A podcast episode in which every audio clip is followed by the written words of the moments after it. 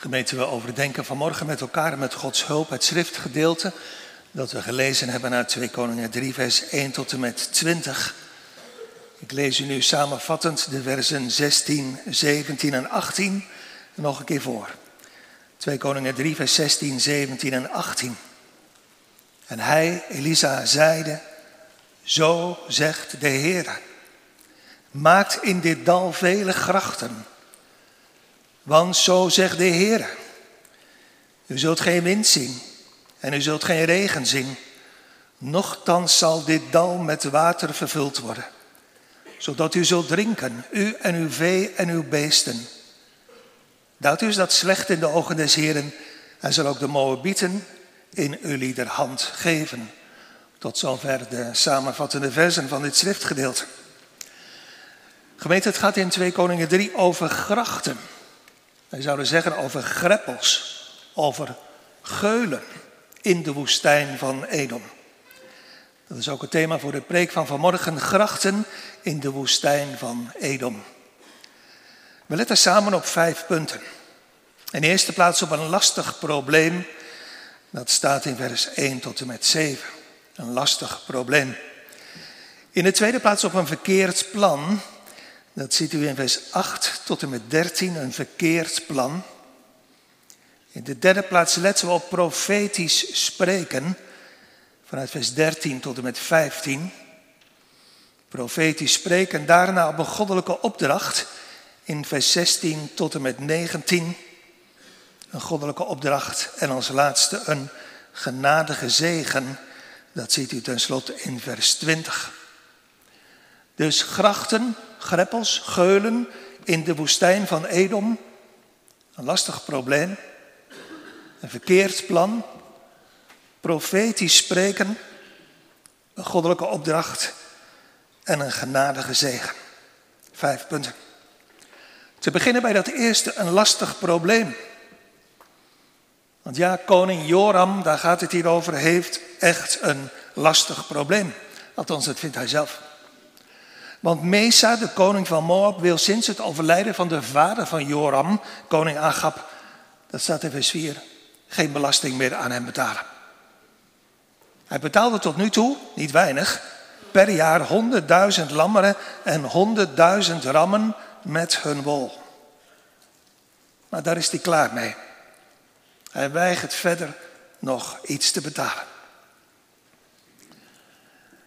Ja, dat lijkt op het eerste gezicht het probleem. Maar het echte probleem staat daarvoor. Kijk maar in uw Bijbel in vers 2 en 3. En hij, Joram, deed dat kwaad was in de ogen des Heren. Toch niet gelijk zijn vader en gelijk zijn moeder. Want hij deed dat opgerichte beeld van Baal weg dat zijn vader had gemaakt. Evenwel, toch hing hij de zonden van Jerobiam, de zoon van Nebat, aan, die Israël deed zondigen. Hij week daarvan niet af. Dus, en dat is het echte probleem, Joram is een man met twee gezichten.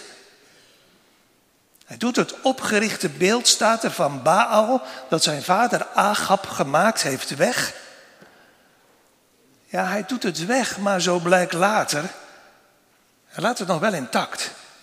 Laat het heel. Misschien heeft hij het ergens apart gezet, maar er staat nergens dat hij het heeft afgebroken. Dat lijkt voor het oog heel wat.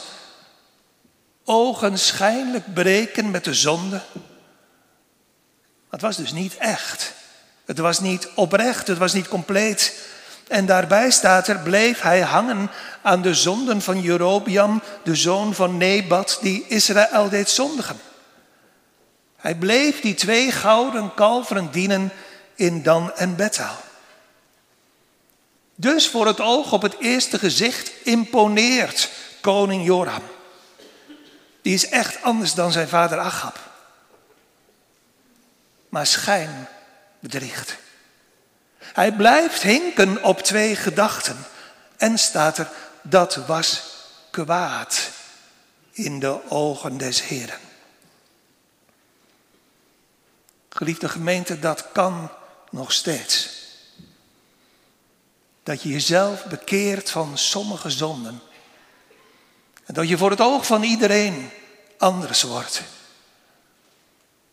Dat je toch diep in je hart blijft doorgaan. Blijft hangen aan andere zonden. Lieve mensen, God haat dat. Dat staat hier. Dat was kwaad, dat is kwaad in de ogen des Heeren. Dat is het grootste probleem van koning Joram. En dat andere bijkomende probleem van die onwillige koning Mesa die geen belasting wil betalen, dat komt erbij. Maar daarvoor hebben we gelezen, kan hij misschien wel bij koning Jozefat aankloppen. Dat deed zijn vader Agap in het verleden ook en niet zonder succes. Jozefat dient dan wel de God van Israël. Maar Jozefat, zo blijkt het alles, is ook een beetje goedgelovig. Ook een beetje toegefelijk. Jozefat kan niet zo goed nee zeggen. En dat blijkt. Jozefat wil Joram wel helpen. We lezen nergens dat Jozefat zijn zaak in het gebed aan de Heere voorlegt. Nee, hij zegt gewoon in vers 7, kijk maar in uw Bijbel. Ik zal opkomen. Zo zal ik zijn zoals u bent. Zo mijn volk als uw volk. Zo mijn paarden als uw paarden. Met andere woorden, Joram, je kunt op me rekenen. Jozefat is een kind van God. Een koning blijkt uit alles die God vreest. En toch gaat hij hier weer op het verkeerde pad. Eerder in het verleden was hij door de profeet Micha gewaarschuwd om niet met koning Agap in zee te gaan. Maar hij luisterde niet. En toen was het slecht afgelopen. Jehu de ziener was achteraf naar hem toegekomen met bestraffende woorden en had gezegd, zou u de goddeloze helpen en die de Heere haten liefhebben?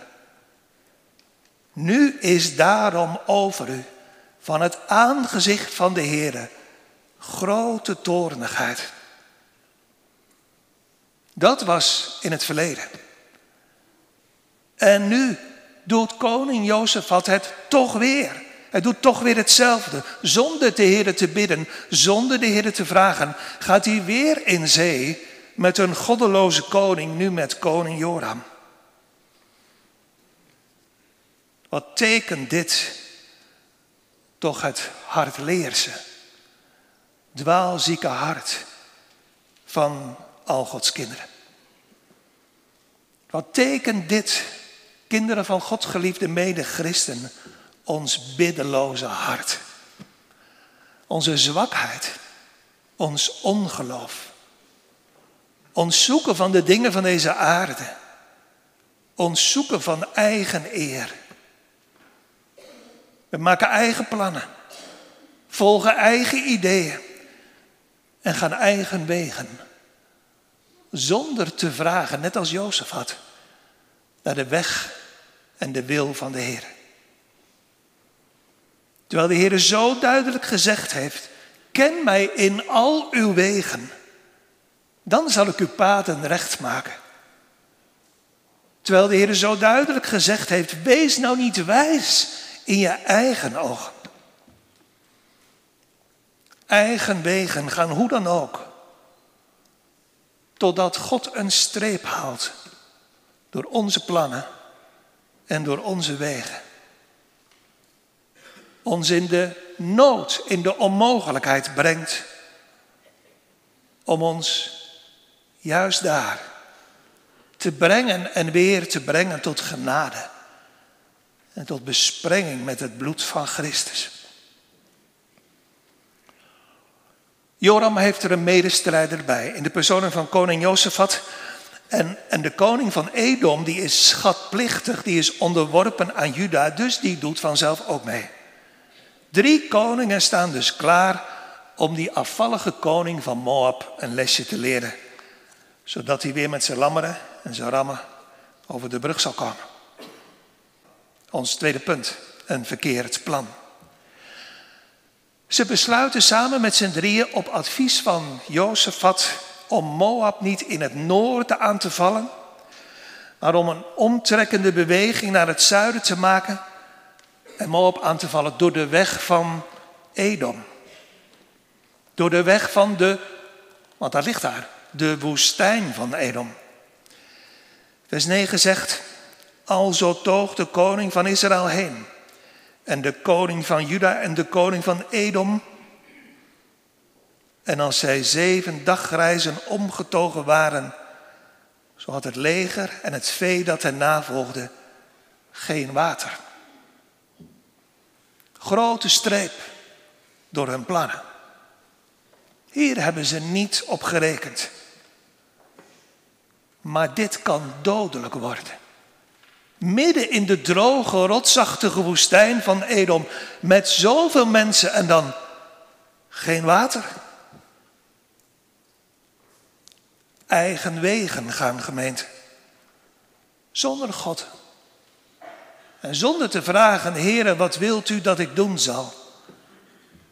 Vroeg of laat zal blijken, hoe dan ook, dat het doodlopende wegen zijn. Zeven dagen staat er, zijn ze op reis. En dan is het water op. Ze voelen het aan hun droge, brandende tong. En ze weten het. Dit kan hier in de woestijn ons einde betekenen. Wat een zegen is het, gemeente. Als je uiteindelijk na zeven dagen of langer het gevaar van je doodlopende weg onder ogen zit. Als je, terwijl zoveel mensen gerust doorgaan en doorlopen op hun dodelijke weg, ineens voelt in je hart, ik ben in gevaar. Ik ben in dodelijk gevaar. Dit kan letterlijk, als ik hierop doorga, op deze weg, dodelijk aflopen. Het is een zegen Jorams onder ons. Halfslachtig, hinkend op twee gedachten. Als je ineens ziet en ineens voelt en de Heer geven dat het vanmorgen zal zijn. Ik ben in dodelijk gevaar. Zoek dan geen rust, maar zoek God. En erken en beleid eerlijk vanmorgen en straks thuis op je knieën dat je zelf verkeerde wegen bent ingeslagen. Verder, steeds verder en verder bij God vandaan. Het is een zegen Jozefats onder ons, kinderen van God, u die de Heere niet biddend om raad hebt gevraagd. Als je ineens ziet en voelt en de Heer geeft dat het vanmorgen zijn, zal zijn als het zo is in uw leven. Als je ineens ziet, ziet en voelt, deze weg waarop ik ga, is een gevaarlijke weg. Het is een zegen als je dan je handen vouwt en bidt. Gelijk een schaap, Heer, heb ik gedwaald in het rond, dat onbedacht zijn herder heeft verloren. Ach, zoek me. Zoek uw knecht. Het water is op, midden in de rotsachtige, droge woestijn van Edom. En dan gebeurt er iets.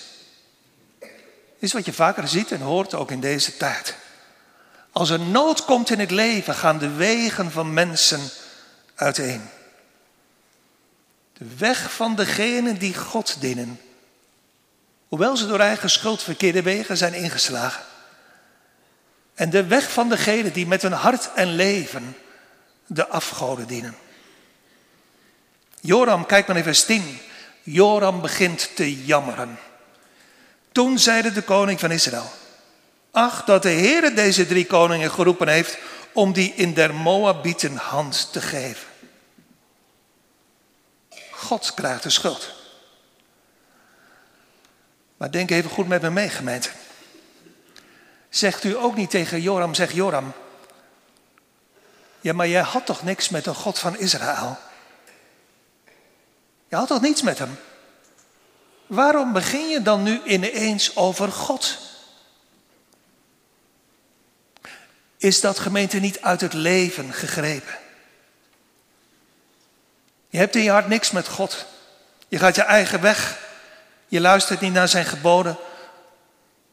Totdat er ineens iets gebeurt. Ongeluk. Ongeneeslijke ziekte. Sterfgeval. En ineens. Hoe is het mogelijk? Ineens denk je, zeg je. God, waarom? Waarom doet u dit? Waarom zijn uw plannen tegen mij?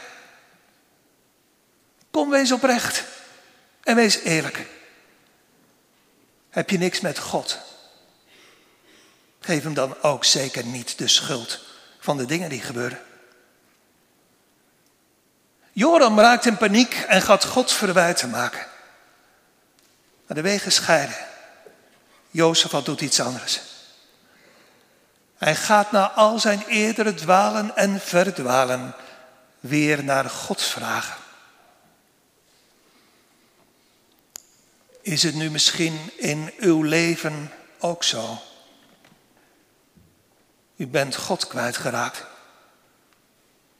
Omdat u zelf bent weggegaan van Hem. U bent door de Heer gebracht op wegen van tegenspoed en zorg. Gebracht in de nood.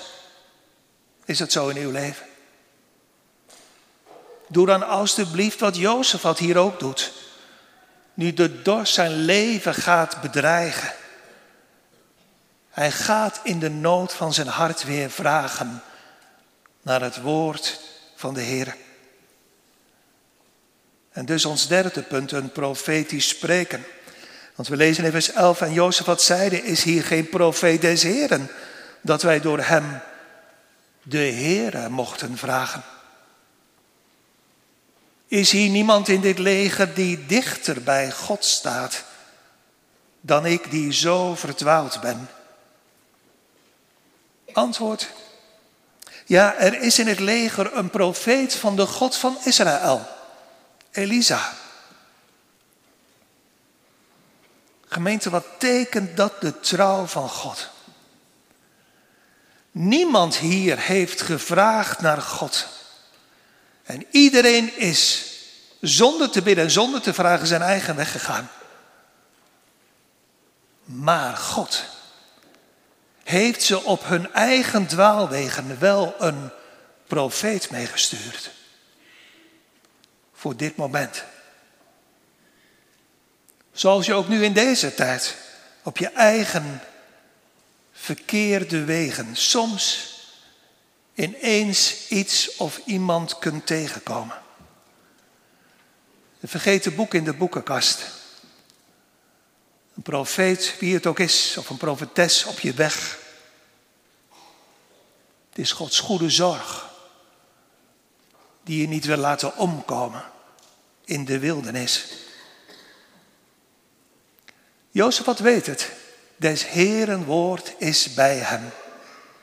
En staat er in vers 12, zo togen tot hem af de koning van Israël en Jozefat en de koning van Edom. Drie koningen dus. Jozefat eert de profeet. Hij roept hem niet om te komen, maar hij gaat zelf naar hem toe en die anderen gaan met hem mee. Maar dan, nog geen introductie is er gepasseerd. Nog geen enkele vraag heeft er geklonken of Elisa zegt in vers 13, wat heb ik met u te doen, Joram? Ga heen tot de profeten van uw vaders en tot de profeten van uw moeder. Ongekend scherpe woorden. Elisa doorziet zijn halfslachtigheid. Je kan denken dat God tevreden is met een halve reformatie in je leven. Maar God wil je hele hart. En trouwens, je wil God en zijn genade toch niet, Joram? En wil je nu wel zijn hulp hebben omdat je in de problemen zit, als een soort eerste hulp bij ongelukken? Waarom? Halfslachtige en op twee gedachten hinkende Jorams hier in de kerk. Hoor je zelf ook vanmorgen zulke scherpe woorden uit de mond van Elisa, uit de mond van de God van Elisa. Ga naar degene van wie je anders ook hulp verwacht. Waarom kom je bij mij? Waarom?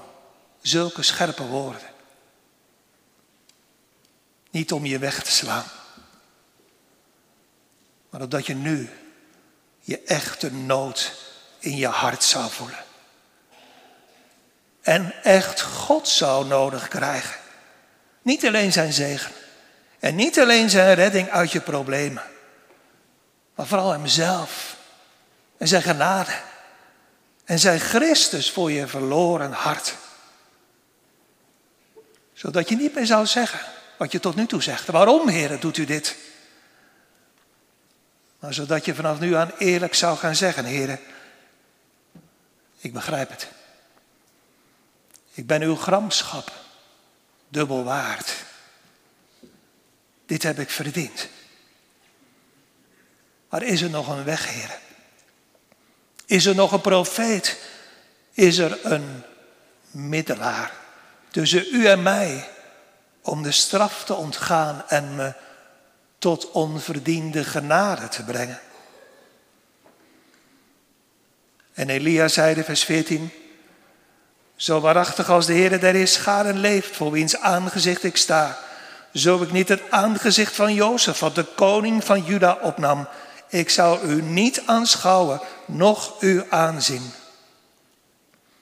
Met andere woorden, ik zou met u kunnen afrekenen. Hier in de woestijn van Edom. Mijn God zou met u kunnen afrekenen.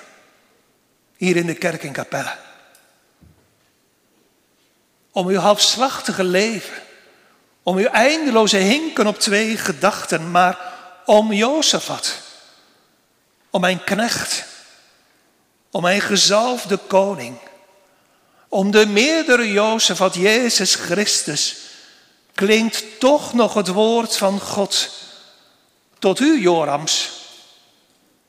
Ook tot u zelfs tot u. Van harte en zo oprecht gemeend, de goddeloze, hinkend op twee gedachten, verlaten zijn weg. En de ongerechtige man of vrouw zijn gedachten, en hij bekeerde zich echt tot de Heer. Zo zal hij zich zijner ontfermen en tot onze God. Want hij vergeeft menigvuldiglijk. Elia zegt in vers 15, nu dan, breng mij een speelman.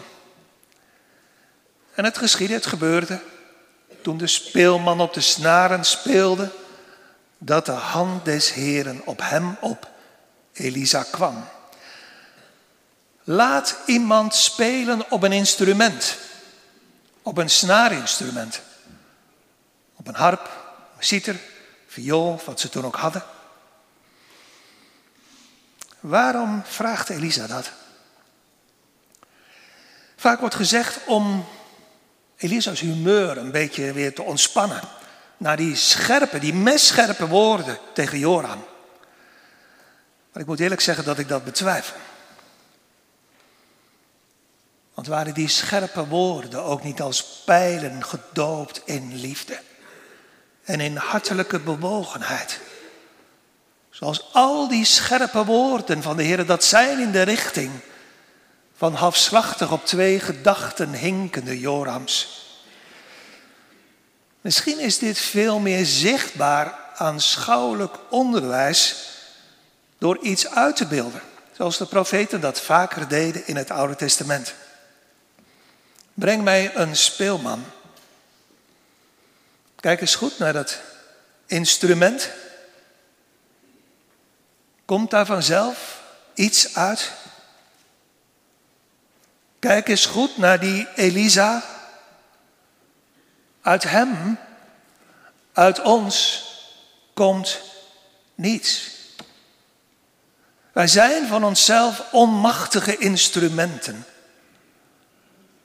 Pas als de hand van de speelman, van de muzikant over de snaren gaat, Dan pas worden die prachtige klanken voortgebracht. En zo komt Gods hand over zijn nietige instrument, Elisa. Zoals ook nu in deze tijd Gods dienaars, predikers van het evangelie en ambtsdragers, van zichzelf, van onszelf, nietige instrumenten zijn. Van hen, van ons hoef je niets te verwachten. Helemaal niets. Ook niet in tijden van nood en zorg. Maar wel van het woord des Heren. Dat uit hun, uit onze mond komt. Wanneer? Als de hand van de Heer, zoals hier, over hen, over ons komt.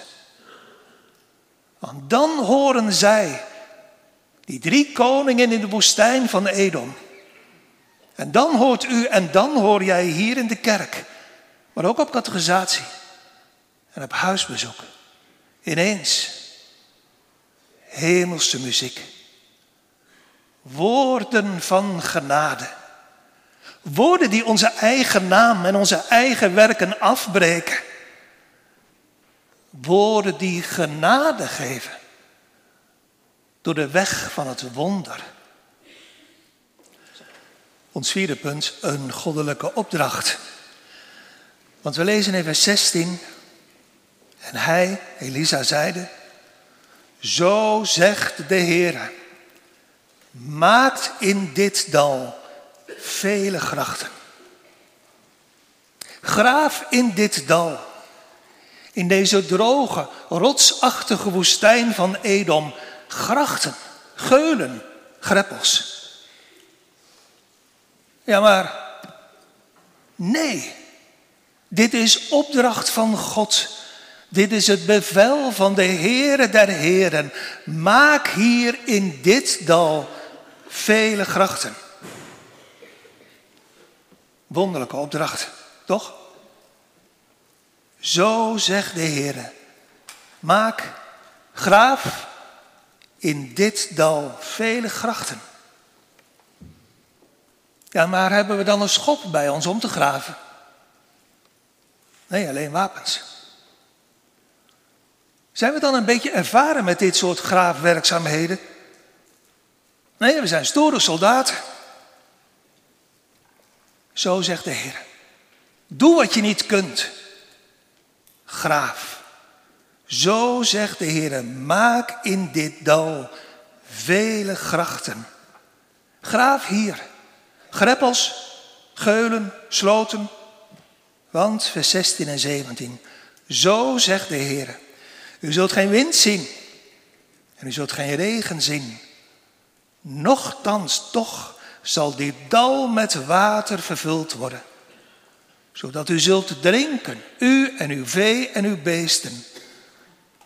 Daartoe is het slecht in de ogen des Heren. Hij zal ook de Moabieten in uw hand geven.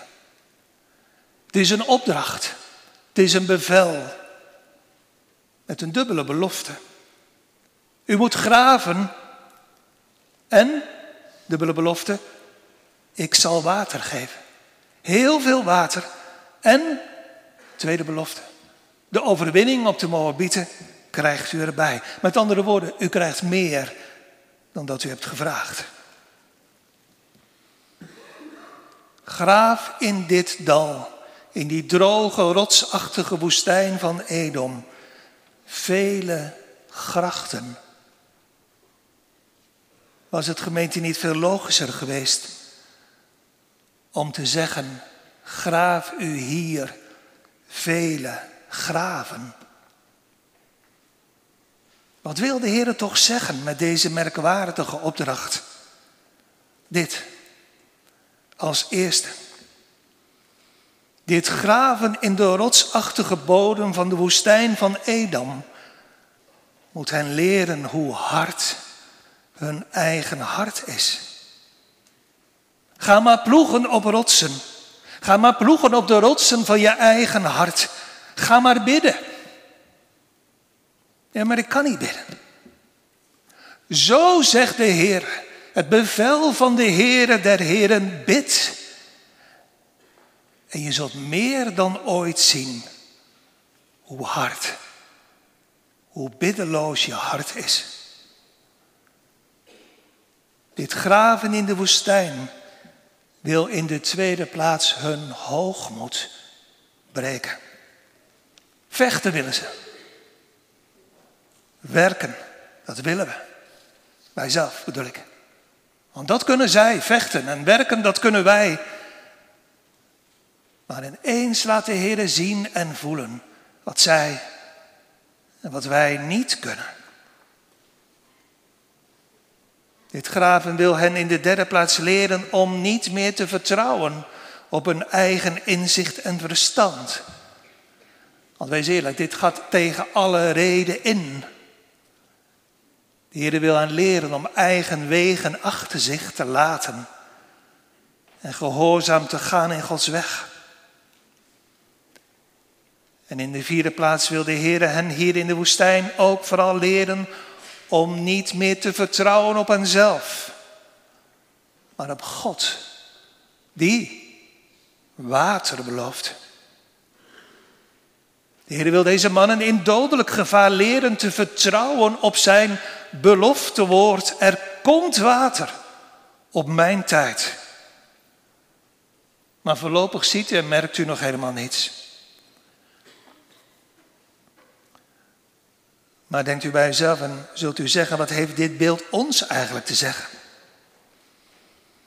Nou gemeente, dit dat ook u en ik, dat ook wij graven moeten. Hoe dat ook botst met ons verstandelijk redeneren en hoe zinloos dat misschien voor het oog wel lijkt. De Heer heeft grote dingen beloofd en hij wil die geven door de weg van graven. Bid. Ja, maar ik kan niet bidden. Zo zegt de Heer, bid en u zult ontvangen. Zoekt. Ja, maar ik kan niet zoeken. Zo zegt de Heer, zoekt en u zult vinden. Klopt. Ja, maar de mens kan niet kloppen. Zo zegt de Heer, klopt en u zal worden opengedaan. Verdien je daar dan iets mee? Nee, nogmaals, nee, niets. Maar als je het niet doet, als je ongehoorzaam bent, met welk excuus dan ook, dan weiger je te gaan in Gods weg. En dan krijg je de vervulling van Gods belofte niet. En dus dan sterf je van dorst in de woestijn. Er is genade, gemeente gratie bij God te verkrijgen. Levend water. Voor niets gratis. Niet door de werken, zegt Paulus, opdat niemand roemen zou. En de manier om die genade te verkrijgen is gaan door de weg van het gebruik van de middelen. Door in je Bijbel te lezen. Door te luisteren naar het woord des Heren. Door te bidden in het verborgen, zoals ik al zo vaak heb gezegd. Door daar te kloppen op de hemelpoort. En door volledig te breken met je zonden. En door te breken met de liefde tot de dingen die voorbij gaan. Graven. Graven. In het dorre van je ziel. In de droge woestijn van je leven. Op de plaats waar je ziet dat je verdwaald bent. Op de plaats waar je eerlijk zegt, misschien vanmorgen wel, als het zo blijft, moet ik hier sterven van dorst. Want ik kan niet bidden. En ik kan niet zoeken en ik kan niet vragen en ik kan niet leven zoals God het van me vraagt. Zo zegt de Heer, graaf met je blote handen en bid op je blote knieën.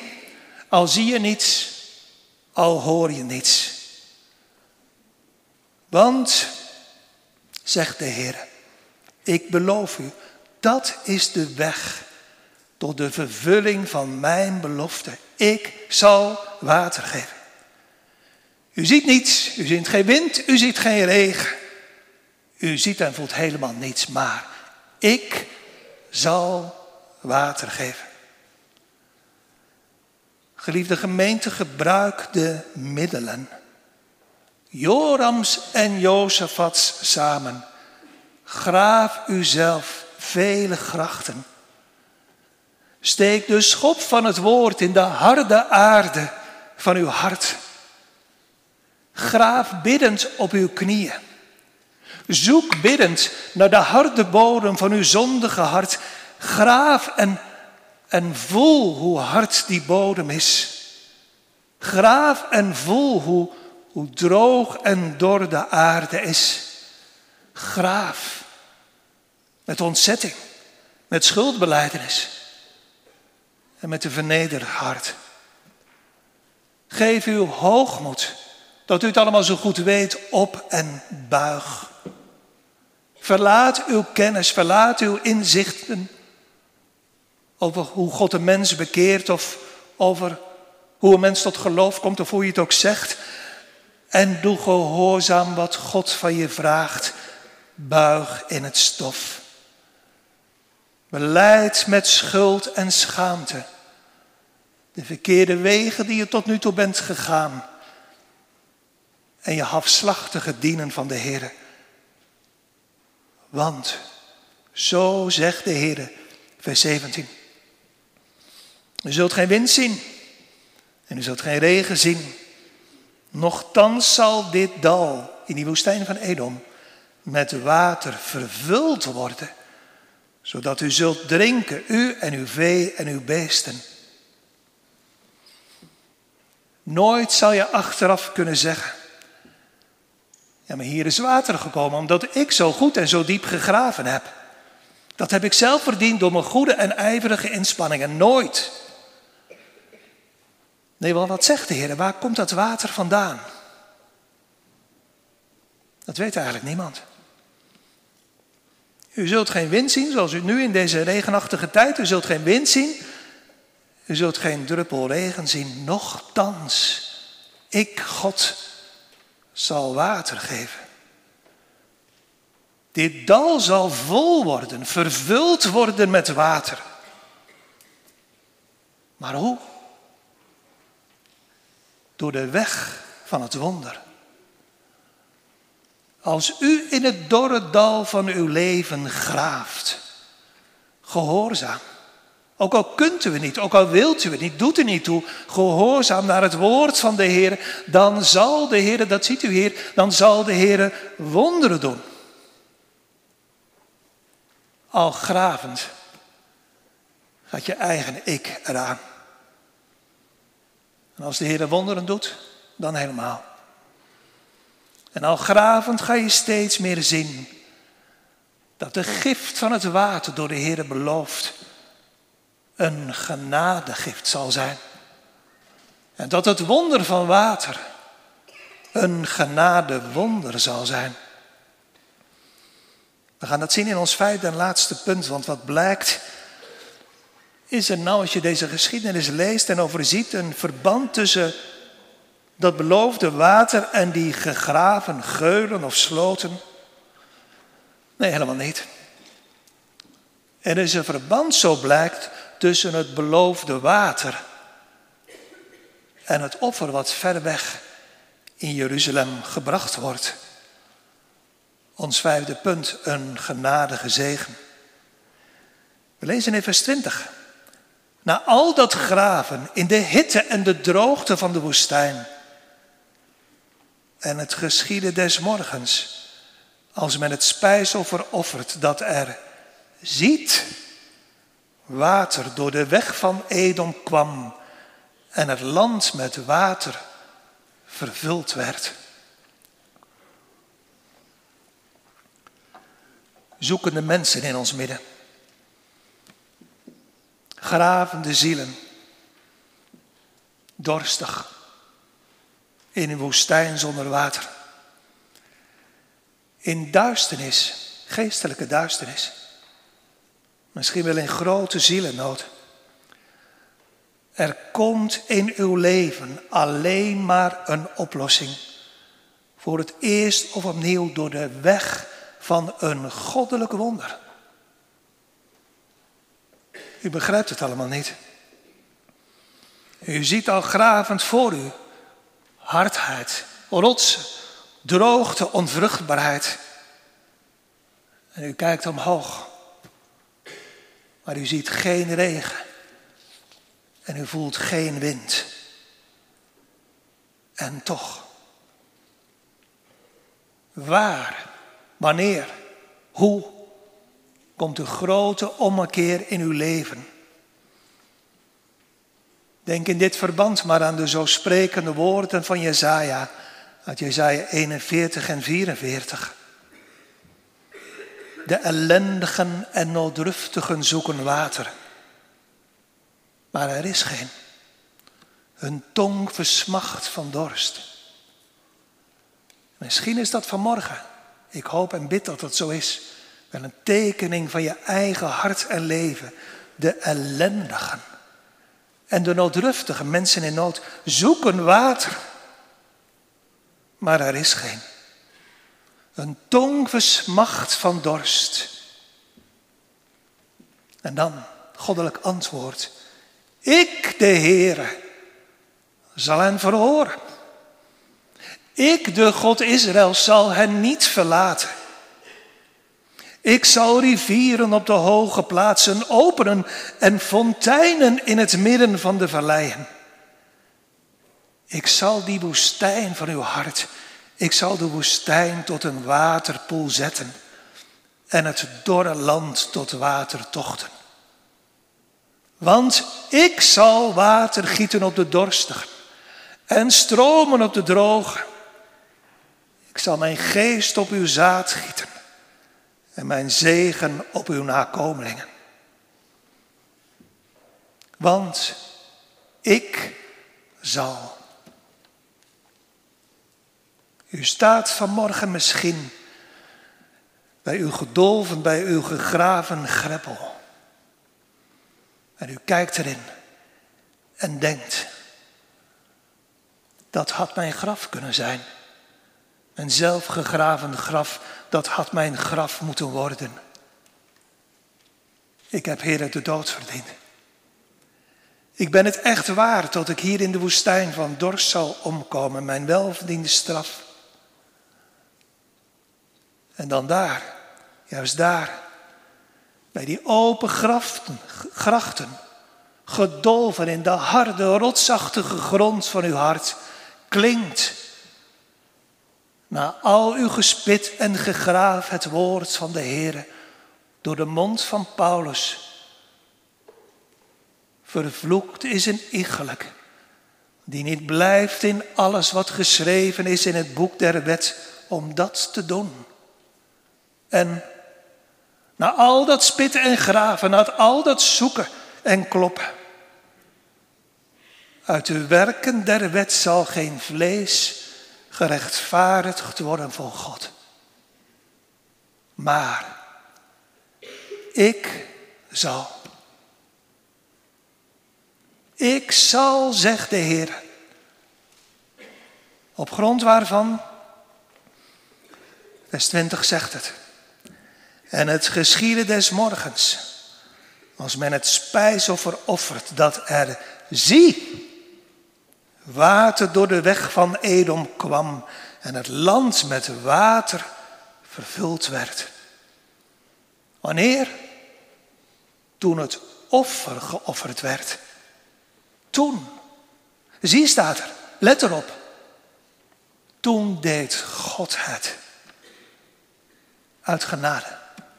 Onverdiend. Door de weg van een onbegrijpelijk wonder. Toen ging er water stromen door een tot nu toe onbekende weg. Door de weg van Edom kwam het en het land staat er werd vervuld met water. In het leven van zulke mensen, die staan aan hun gegraven, droge, rotsachtige, harde, onvruchtbare greppels, opengebroken ten diepste door het ontdekkende werk van de Heilige Geest. In het leven van zulke mensen opent God op zijn tijd zelf de weg. een voor onszelf eerst onbekende weg. En ook naar ontvangen, naar gekregen genade, een weg waar we, ik zeg dat tot schaamte, waar we zo vaak zo ver vandaan zijn. Gods weg. Niet onze weg.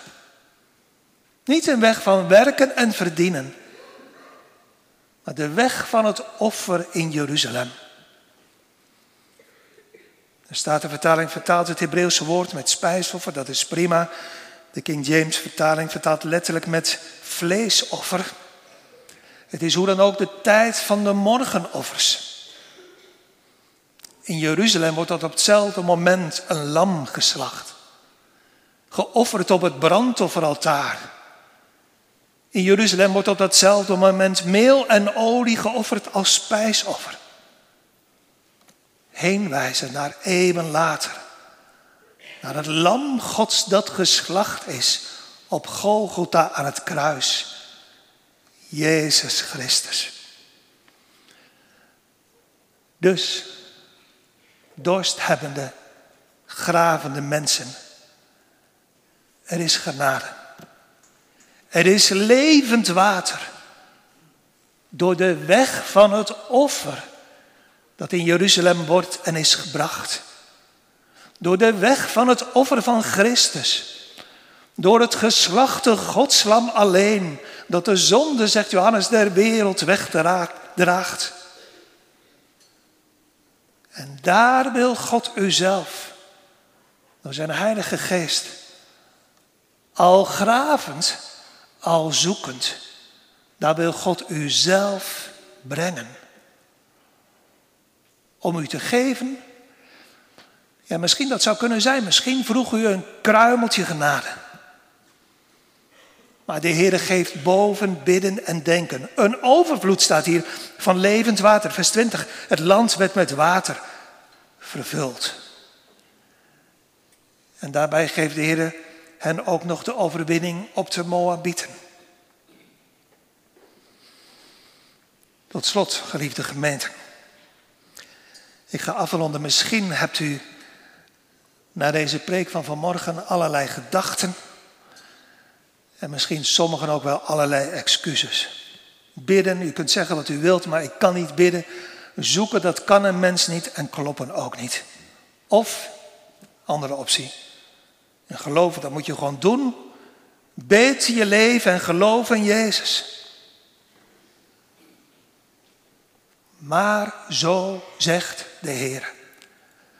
Maak in uw dal, in de woestijn van uw hart, in de rotsachtige bodem van uw verloren leven, maak uzelf vele grachten. Graaf tot de rotsbodem van uw harde en onvruchtbare hart. En God zal door de weg van het wonder uw dorstige ziel te drinken geven van het water des levens. Om niet. Op zijn tijd, door het werk van zijn Heilige Geest, om het offer in Jeruzalem, om het gekruisigde godsdam Jezus Christus, tot roem van zijn eeuwige welbagen en zijn drie enige naam. Amen.